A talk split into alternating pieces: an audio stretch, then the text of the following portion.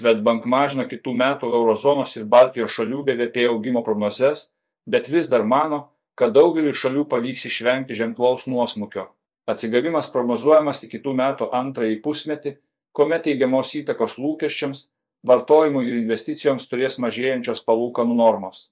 JAV spurtas išblės, eurozona vis dar išalusi. Pastaraisiais metais sutrikusios tiekimo grandinės, darbuotojų trūkumas, per pandemijos metu sukaupti finansiniai rezervai bei dosnios vyriausybių išmokos daugelį vakarų valstybių sukūrė ekonomikų perkaitimą. Paklausa viršijo pasiūlą. Tai prisidėjo prie infliacijos šuolio. Prarasta gyventojų perkamoji gale ir aukštos palūkanų normos greitai atvesino paklausą. Kol kas be didelių nušalimų. JAV ekonomikos augimą šiemet vis dar skatino per pandemiją sukaupti finansiniai rezervai, didėjantis užimtumas ir ypač milžiniškas biudžeto deficitas. Svetbank ekonomistai prognozuoja, kad JAV ekonomika šiemet augs 2,4 procento, o eurozonos BVP padidės vos 0,4 procento. Tačiau jų vertinimu JAV ir eurozona 2024 m. pradžioje patirs nuosmukį, o atsigavimas tikėtinas tik antrąjį kitų metų pusmetį.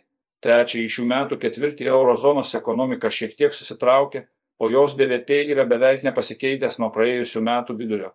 Ekonomistų vertinimu, eurozonos augimas slopina ir dėl praėjusių metų infliacijos prarasta gyventojų perkamoji gale ir dėl brangesnės energijos nekonkurencingi kai kurie pramonės sektoriai ir neįprastai aukštos palūkanų normos.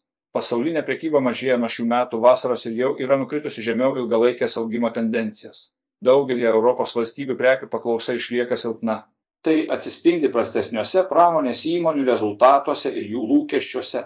Nors atslūgus infliacijai gyventojų perkamoji gale vėl auga, bet lūkesčiai išlieka prasti, o atsigavimą būsto rinkoje vis dar labai slopina aukštos palūkanų normos, teigia Svetbank. Vyriausiasis ekonomistas Nerijus Mačiulis. Centriniai bankai palūkanų normas mažins jau pavasarį. Svetbank ekonomistai prognozuoja, kad didieji centriniai bankai reaguodami į mažėjančią infliaciją ir silpstančią paklausą bazinės palūkanų normas pradės mažinti antrąjį kitų metų ketvirtį.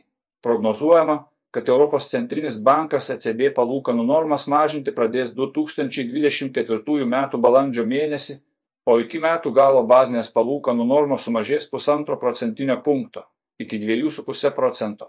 Europoje energijos kainos normalizavosi, daugelio grūdų ir žaliavinio pieno kainos nukrito į 2021 metų lygį. Tačiau maisto prekės daugelie šalių yra beveik trečdaliu brangesnės nei buvo prieš du metus. Iš Kinijos eksportuojamų prekių kainos šiuo metu yra beveik dešimtadaliu mažesnės nei buvo prieš metus, bet visa tai galutinių vartotojų dar nepradžiugino. Matome labai daug priežasčių ne tik tolimesniam infliacijos mažėjimui, bet ir kainų mažėjimui, teigia N. Mačiulis. Jo nuomonė, ECB, kuris prognozuoja, jog eurozonoje infliacija kitais metais vis dar viršys 3 procentus, netrukus sumažins šią prognozę, o tai atvers kelią palūkanų normų mažinimui Centriniai bankai pavėlavo reaguoti į infliacijos šuolį, o dabar nori apsidrausti ir įsitikinti, kad neliks net infliacijos kvapo. Tačiau šiuo metu net ir nebekylant palūkanų normoms reali jų našta vis dar didėja dėl stojančio pajamų augimo. Iki šiol daugelis įmonių ir gyventojų nesusidūrė su finansiniais sunkumais, nes jų pajamos augo sparčiau nei didėjo skolų aptarnavimo išlaidos. Aukštesnės palūkanų normos tik dabar pradės daryti didžiausią neigiamą įtaką ekonomikos augimui kai kuriuose šalyse jau matėme nedarbo padidėjimą, tai gali būti dar vienas veiksnys, paskatinantis ECB mažinti palūkanas.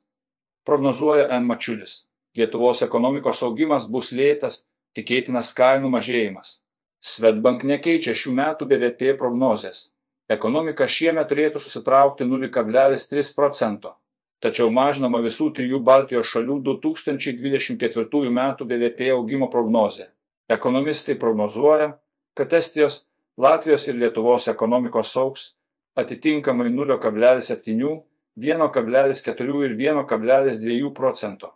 Panašiai kaip ir visoje eurozonoje, atsigavimas tikėtinas tik antrąjį kitų metų pusmetį.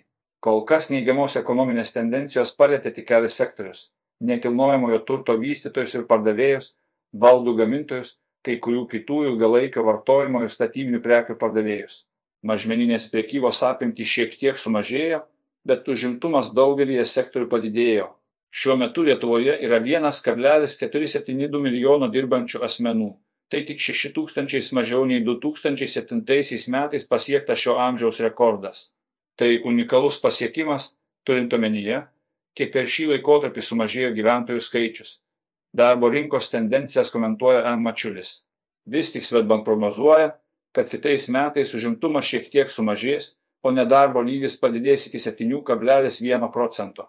Nors prognozuojama, kad atlyginimų augimas sulėtės iki 8,5 procento, vidutinė metinė infliacija kris dar labiau iki 1,8 procento. Praėjusiais metais dėl nepakankamos pasiūlos sutrikusio prekių tiekimo ir energijos šoko kainos pakilo į nepagristas aukštumas. Šiemet prasidėjo kainų korekcijos, penkis mėnesius išėlė mažėjo prekių kainos, pastaraisiais mėnesiais atpigo ir kai kurios paslaugos.